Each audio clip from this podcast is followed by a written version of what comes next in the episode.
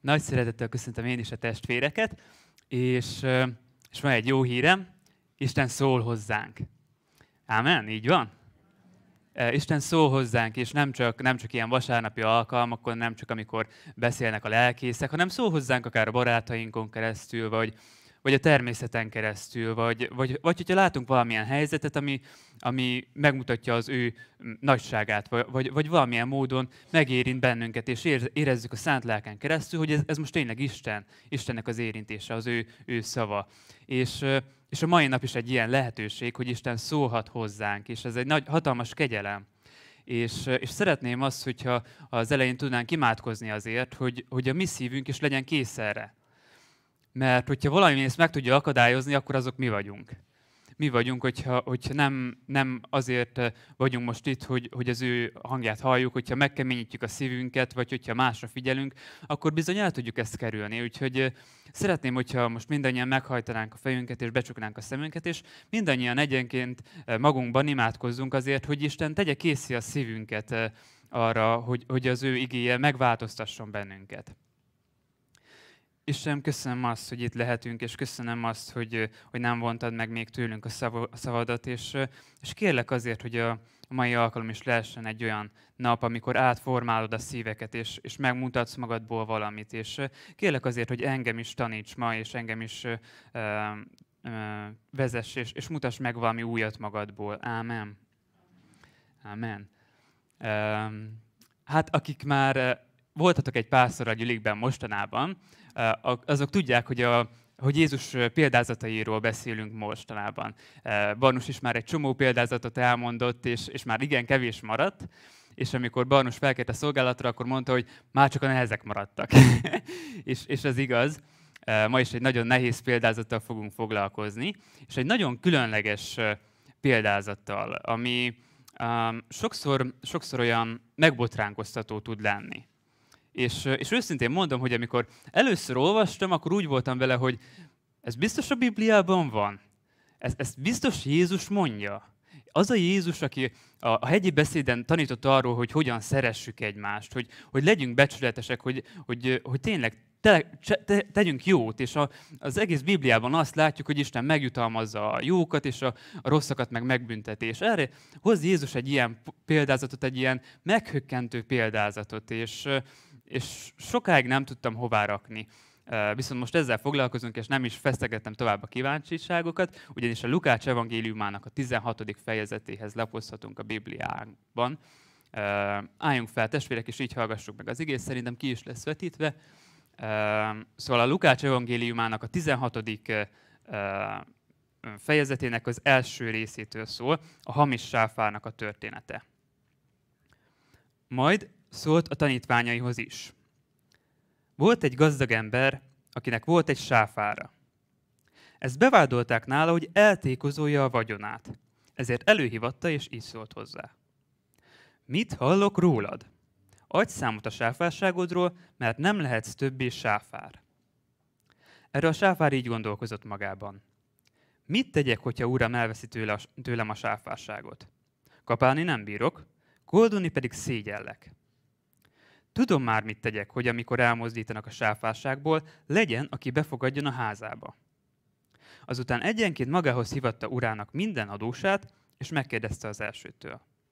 Mennyivel tartozol az én uramnak? Az így felállt. Száz korsó olajjal. Erre azt mondta neki, vedd az írásodat, ülj le gyorsan, és írj ötvenet. Azután a másiktól is megkérdezte, te mennyivel tartozol? Az így válaszolt. Száz kórus búzával.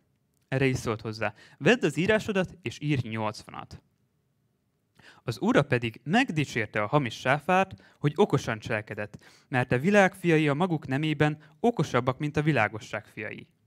Én is mondom nektek, szerezzetek magatoknak barátokat a hamis mammonnal, hogy amikor elfogy, befogadjanak titeket az örök hajlékokba.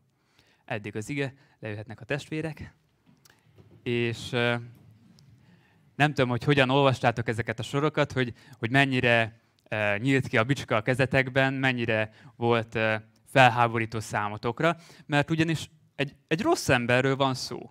Egy rossz emberről van szó, aki rosszat csinál. És mégis nem csak az Úr dicséri meg, hanem Jézus is egyfajta részében példaként állítja elénk. És ez engem nagyon sokáig zavart, egészen addig, ameddig rá nem jöttem egy különleges igazságra a példázatokkal kapcsolatban, ugyanis a példázatok, azok csak példázatok. Tehát eh, bár a, bár a valóságból építkeznek, mégis csak egy, egy töredékét mesélik el a történetnek. Csak egy olyan szerepük van, hogy valamit megértessenek, valamit jobban elmagyarázzanak. És, és Jézus is ezért használta a példázatokat olyan sokszor, hogy valamit jobban elmagyarázzon, valamit könnyebbé tegyen megérteni. És, és azért is, mert könnyebben megjegyezték ezeket a történeteket. És ennek a, a történetnek, ennek a példázatnak is, mint minden példázatnak van egy üzenete. Van egy üzenete, amiért mondták el. És ez az üzenet nagyon egyszerű, úgy fogalmaztam meg, hogy az, amit a földi életben teszünk, az hatással van az örökké valóságunkra. Nos, ez nem egy olyan igazság, amit ne hallottunk volna már, szerintem, vagy, vagy akik itt vagyunk, többségében már hallottuk ezt, akár mondjuk két hete, vagy, vagy sokszor, ugyanis a példázatoknak is a, a nagy része, a példázatoknak is a nagy része Istennek a, a királyságáról szólt. A, a halál utáni életről, az örökkévalóságról szólt. És ö, tényleg Jézus nagyon sokat foglalkozott ez, ennek a példázatoknak a zöme ezzel foglalkozik. És ö, nem azért, mert csak így ismételgette magát, hanem azért, mert egy kicsit máshogyan mondta el, egy kicsit máshogyan mondta el Isten országát. És ebben a példázatban is egy kicsit máshogyan mondta el, és azért örülök, hogy most került erre sor, mert már ismerünk egy csomó példázatot ugye az elmúlt hetekből. Úgyhogy össze tudjuk őket hasonlítani. Az első példázat, amivel össze fogjuk hasonlítani a sok közül, mert lesz még egy pár, az az, ami két hete volt, amiről Es prédikált, a, a, a szántóföldben elrejtett kincs és a nagyértékű gyöngynek a példázata, amit megtalál ugye a, e, kereskedő. E, ezekben a példázatokban is Istennek a királyságáról beszélt. Az, hogy amikor megtalálják ezt az emberek, akkor hirtelen rájönnek, hogy ez mekkora érték. Hogy ez mennyit ér nekik. És ezért feláldozzák az egész addigi életüket, eladják a házukat, mindent eladnak, azért, hogy ezt megszerezzék. Mert ennyire fontos nekik hogy az egész életüket feláldozzák érte. És ebben a példában is az van, hogy, hogy valami más lett a sáfárnak az, az érték, valami más lett, mert rájött, hogy, hogy itt baj van, hogy itt baj van, és akkor gyorsan korrigálni kell. És ami viszont különbség a kettő között, az az, hogy, hogy, hogy az első példázatban örömből tették ezt ugye azok, akik megtalálták a kincset, örömből eladták mindenüket. Itt viszont itt viszont számításról van szó. Számításról van szó, mert észrevették, észrevette a sáfár, hogy le fog járni a sáfársága. És, és hogy másba kell befektetnie, más részvényeket kell vennie. És, és ez az, amiben közös ez a két példázat, hogy az érték az, az megváltozott. Az érték az más. És van egy igeves, azt is ki lesz vetítve, az pedig a Máté 6.21-ből van, hogy ahol, ahol a te kincsed, ott van a te szíved is. Igen. És, és tényleg ez van, hogy amikor a mi kincsünk Isten országa lesz, az ő királysága, akkor a mi szívünk is oda vonz, és nem a földhöz. Van egy másik példázat is, amivel össze fogom hasonlítani, ugyanis ennek a példázatnak, a hamis sáfárnak van egy ellentét példázata, ami talán a legelső példázat volt a példázatok közül, amikkel foglalkoztunk, a bolond gazdag példázata. Ki az, aki emlékszik még rá, hogy Barnus tanított erről? Jó, hát remélem, hogy többen vannak, mint akik felemelték a kezüket, de gyorsan uh, vázolom a történetet. Tehát az volt, hogy volt egy gazdag ember, aki hirtelen még gazdagabb lett. És úgy gondolkozott, hogy jól van, akkor a mostani raktáraimat lerombolom, építek még nagyobbakat, abba beleteszek még több pénzt, és aztán hátradőlök, és azt mondom, hogy sok évre félretett javad van, most már meg lehet nyugodni, most már, most már kikapcsolódhatsz. És azért volt bolond, mert ez a, ez a bolond gazdag nem ismerte fel, hogy, hogy jön a halál, hogy elveszik a lelkét, hogy 30-40, de maximum 80 év, és, és meg fog halni és akkor hova lesz a gazdagság? És a másik, ez a sáfár, aki bölcs volt, az felismerte, hogy, hogy elveszik tőle a sáfárságot. Mondjam így, hogy, 30-40, de maximum 80 év múlva, ugye átvitt értelembe. Mert azt kell, hogy mondjam, hogy, hogy a mi sáfásságunkat is el fogják venni. A mi sáfásságunkat is el fogják venni, nem azért, mert hűtlenek vagyunk, hanem azért, mert lejár az időnk. És ez a 30, 40 vagy 80 év, az el fog tűnni. Nagyon gyorsan. Nem mondhatjuk azt, hogy dőljünk hátra, és akkor most élvezzük az életet, mert ez a, ez a földi idő adatot nekünk. És szeretném, hogyha felismernétek ti, ti is azt, hogy, hogy itt van az idő, most lehet cselekedni, most lehet behívni azokat az adósokat, és befektetni egy olyan részvénybe, egy olyan dologba, ami majd továbbra is megmarad. Mert Isten nem arra hívott minket, hogy hogyha megtértünk, akkor dőjünk hátra, és nincsen semmi, hanem az, hogy azokat a lehetőségeket, azokat a talentumokat, azt a pénzt, azt az időt, amit ő nekünk ad, azt fektessük be Isten országába. Van egy másik nagyon különleges igevers, amit hoztam, a Jakabnak a ötödik fejezetének a harmadik verse. E, itt Jakab a, gazdagokat kárhoztatja, azokat, akiknek sok pénzük van, és azt mondja, hogy aranyotok és ezüstötök meg rozsdásodott. És a rozsdája az ellenetek tanúskodik, és megemészt titeket. Nem azzal van baj, testvéreim, hogy, hogyha valaki gazdag. Nem azzal van baj, hogyha valakinek van pénze, vagy vannak lehetőségei, van ideje, van, van akár erőforrás, vagy valami más nem azzal van baj, hanem azzal van baj, hogyha ez megrosdásodik. Hogyha ezt eltékozoljuk, mert, mert nem csak az a tékozlás, hogyha, hogy az, az, amin van, azt, azt kiszórom az ablakon, vagy, vagy hogyha nem törődök vele, hanem az is a tékozlás, hogyha az, amim lehetne, azt nem ragadom el, nem veszem el Istentől. És, és szeretném azt, hogy ne rozsdásodjon rátok az időtök. Ne rozsdásodjon rátok a szabadidőtök. Ne rozsdásodjon rátok akár az energiátok. Ne rozsdásodjon rátok a szavaitok, amit nem mondtok ki. Egy hete volt, hogy véget ért az angol tábor, és azt láttam, hogy voltak emberek, akik belefektették az idejüket Isten országába. Konkrétan ismerek néhányakat, akik szabadságot vettek ki. Öt nap szabadságot, az nagyon nagy dolog és belefektették, mert tudták, hogy ez az, ami majd megmarad. Ami majd megmarad, hogyha elveszik a sáfásságot. És erre bátorítalak. Viszont, viszont nem szeretném, hogyha azt hinnétek, hogy, hogy a cselekedetekből való megigazulásról beszélek, mert, mert nem erről van szó. Van, egy, van egy kérdésem. Kinek mondta ezt a példázatot Jézus? Nem költői kérdés. Ott volt az elején a tanítványainak. A tanítványainak mondta, így kezdődik, hogy majd a tanítványaihoz is szólt.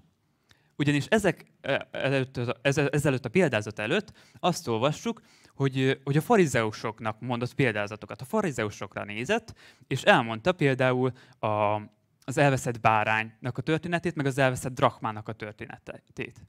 De most a tanítványaihoz beszél olyan emberekhez, akik már őt követik akik már jó helyen vannak, akik már úgymond megtértek. Amikor a farizeusokhoz beszélt, azokról, arról beszélt, hogy Isten mennyire szeretné őket megmenteni, mennyire szeretné az, hogy megtérjenek, mert nekik erre volt szükségük. Erre volt szükségük, és nekik erről beszélt. És utána odafordult a tanítványaihoz, és nekik mondta el ezt a példázatot. Azért, mert, mert ez a példázat, ez már nem az üdvösségről szól, nem arról szól, hogy hogy lehet megtérni, hogy hogyan kell számítgatni, hogy hú, hát hogyha én meghalok, akkor nem kerülök a mennybe, gyorsan csináljunk valamit, ami miatt a mennybe kerülünk. Nem, az csak Isten kegyelméből van. Viszont ez a példázat, ez a jutalomról szól.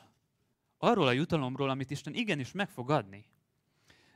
Van egy, egy másik példázat, az is volt már itt, a szőlős gazdának és a szőlős munkásoknak a példázata az is egy kicsit ilyen igazságtalannak tűnik elsőre, hogy, hogy a szőlős gazda nap elején felbérel egy dinárért szőlőmunkásokat, és aztán mindig kimegy, és újra-újra felbérel, amíg van, aki már csak egy órát dolgozik. És annak is, annak is megadja azt az egy dinárt. Ugyanis a kegyelemért nem lehet megdolgozni, nem lehet jobban üdvözülni. Nem lehet, nagyobbnak lenni ilyen szempontból, hanem a kegyelem az, az tényleg Isten ajándéka. Azt csak elfogadni tudjuk, és lehet, hogy már kisgyerekkorod óta munkálkodsz a gyülekezetben, lehet, hogy majd valaki 120 évesen fog éppen megtérni a halálos ágyán, de Isten odaadja a kegyelmét. Viszont, viszont van jutalom. Van jutalom, és azok a dolgok, amiket teszünk a Földön, azok igenis számítani fognak az örökké valóságban. Azoknak igenis lesz jutalma. És hogyha ebben most kételkedtek, vagy, vagy nem hiszitek, akkor odarapozunk az első korintusiakhoz írt levélben, ahol Pál beszél erről. Pál beszél az első korintusiakhoz írt levél harmadik fejezetének tizedik versétől. Így mondja, az Istentől nekem adatott kegyelem szerint, mint bölcs építőmester, alapot vetettem. De más épít rá. Vigyázzon azonban mindenki, hogy hogyan épít rá, mert más alapot senki nem vethet a meglévőn kívül, amely a Jézus Krisztus. Ez ugye a kegyelem. És úgy folytatja, az pedig, hogy ki mit épít erre az alapra, aranyat, ezüstöt, drága követ, fát, szénát vagy szalmát, azt az a nap fogja világossá tenni, mivel tűzben jelenik meg. És akkor mindenkinek a munkája nyilvánvalóvá lesz. És hogy kinek mit ér a munkája, azt a tűz fogja kipróbálni. Ez ugye már a jutalom. Ha valakinek a munkája, amelyet ráépített, megmarad, jutalmat fog kapni. De ha valakinek a munkája megég, kárt val. Ő maga ugyan megmenekül, de úgy, mint aki tűzön ment át. Mert nem igazságtalan az Isten. És, és amikor látja, hogy valami jót teszünk, azt ő megérzi. Olyan érdekes, olyan érdekes Istennek a mentalitása, mert a bűneinket, miután megbánjuk, azt elfelejti. Olyan messzire elveti, mint napkelettől napnyugat. Viszont a jó dolgokat azt megérzi. Azt mondja, hogy ha egy pohár vizet adtok a legkisebb gyereknek, annak a jutalma nem marad el. Mert Isten egy olyan Isten, aki jutalmazni akar. És mi nekünk pedig az a földi életünkben a szerepünk, hogy, hogy kincseket gyűjtsünk a mennybe. Hogy kincseket gyűjtsünk a mennybe, és jó részvénybe fektessünk bele, olyan részvénybe, ami megmarad halálunk után is. És nem tudom, őszintén nem tudom, hogy, hogy mi az a, az, a, az a jutalom, amit Isten elkészít nekünk. Lehet, hogy más lesz a státuszunk, vagy lehet, hogy, hogy más, más házban fogunk élni. Nem tudom egyszerűen. Viszont egy jutalom van, amiről biztosan tudok amit, amit Lukács is elmondott a, ebben a példázatban. Ugyanis azt írja, azt írja, hogy szerezzetek magatoknak barátot a hamis mammonnal, hogy amikor elfogy, akkor befogadjanak titeket az örök hajlékokba. A barátok azok a jutalmak, azok a kincsek, amik biztos, hogy velünk lesznek, hogyha miattunk kerülnek oda a mennybe. És milyen elképesztő jutalom az, hogy, hogy ott lehet a barátom, ott lehet az, akit szeretek. És azt mondhatom, hogy megérte az a fáradtság, megérte az a befektetés, megérte az a pénz, az az idő, az, amit rán szántam arra, hogy, hogy el tudjam vinni másoknak az örömhírt. Megérte az, a, az hogy, hogy mondjuk angol táborokat szervezzünk. Nem kis fáradtság, nem kis pénz, nem kis idő, amit erre szántunk. És, és azt látjuk, hogy meg lesznek és megvannak a gyümölcsei. És ott lehetnek mások is, Isten országába. Ez egy olyan jutalom, amit nem, nem vehetnek el tőlünk, és, és szeretném azt, hogy ti is gyűjtsetek magatoknak ilyen jutalmakat, ilyen emberi jutalmakat. És igen, ezekre szerettek volna teket bátorítani, ezeket helyezte Isten a szívemre, úgyhogy szeretnék egyet imádkozni, és ti is imádkozzatok velem. Isten, köszönöm azt, hogy hogy te ránk bízol dolgokat, ránk bízol talentumokat, ránk bízod a hamis mammont. Köszönöm azt, hogy, hogy, hogy van még időnk. És, és kérlek azért, hogy tudjuk ezeket bölcsen használni. Az, hogy olyan sáfárok lehessünk, akik jól bánnak ezekkel a dolgokkal, és, és az, hogy, hogy tudjuk meglátni azokat a jutalmakat, amiket adsz majd nekünk a mennyországba. Istenem, köszönöm, hogy, hogy itt lehetünk, és, és kérlek azért, hogy, hogy, hogy ez a mentalitás ez beleivódjon a mi lelkünkbe, hogy nem ez, a, nem ez a földi élet az, ami fontos, ez csak egy, ez csak egy szülőszoba, hanem majd, majd az, ami ezután jön, az lesz az, ami, amiért érdemes dolgozni. Ámen. Köszönjük Andrisnak a tanítást.